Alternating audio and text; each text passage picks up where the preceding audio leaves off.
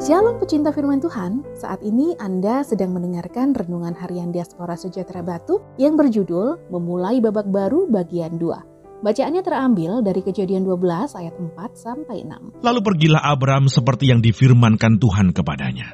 Dan Lot pun ikut bersama-sama dengan dia. Abram berumur 75 tahun ketika ia berangkat dari Haran. Abram membawa Sarai istrinya dan Lot anak saudaranya dan segala harta benda yang didapat mereka dan orang-orang yang diperoleh mereka di Haran. Mereka berangkat ke tanah Kanaan, lalu sampai di situ. Abram berjalan melalui negeri itu sampai ke suatu tempat dekat Sikem, yakni pohon tarbantin di More. Waktu itu, orang Kanaan diam di negeri itu.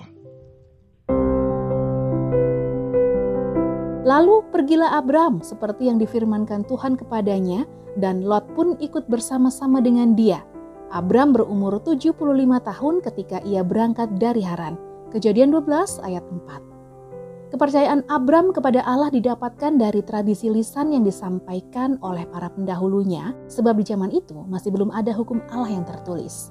Abram memilih untuk percaya pada panggilan dan janji Tuhan, walaupun secara manusia tidak masuk akal dengan keyakinan bahwa Allah akan memberkatinya sama seperti Allah memberkati para pendahulunya, Abram meninggalkan Haran dan menuju ke tanah yang Tuhan janjikan. Untuk memulai peradaban yang baru, Tuhan sudah memberkati Abram, namun tidak cukup sampai di situ. Abram juga harus memiliki keberanian untuk melangkah. Ketika Abram mulai melangkah, maka Allah juga mulai merealisasikan berkatnya.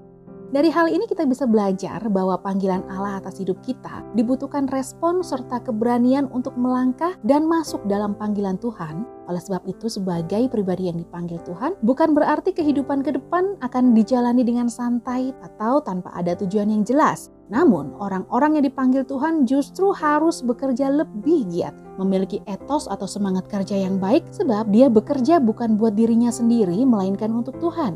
Ingatlah, Panggilan dan rencana Tuhan atas hidup manusia tidak akan terrealisasi jika tidak ada respon yang benar dari pihak manusia.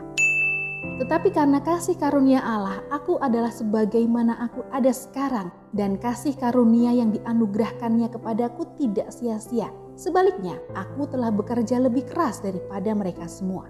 Tetapi bukannya aku, melainkan kasih karunia Allah yang menyertai aku. 1 Korintus 15 ayat 10. Tuhan Yesus memberkati.